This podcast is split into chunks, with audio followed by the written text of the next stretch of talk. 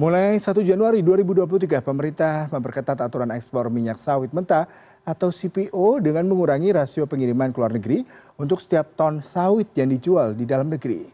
Kebijakan pengetatan ekspor CPO ini ditetapkan untuk memastikan pasokan minyak goreng cukup dan terjangkau di dalam negeri. Kementerian Perdagangan menyebut eksportir akan diizinkan mengirim enam kali lipat volume penjualan atau lebih rendah daripada rasio saat ini, yakni 8 kali lipat. Kebijakan ini akan terus dievaluasi secara berkala dengan mempertimbangkan ketersediaan dan harga minyak goreng.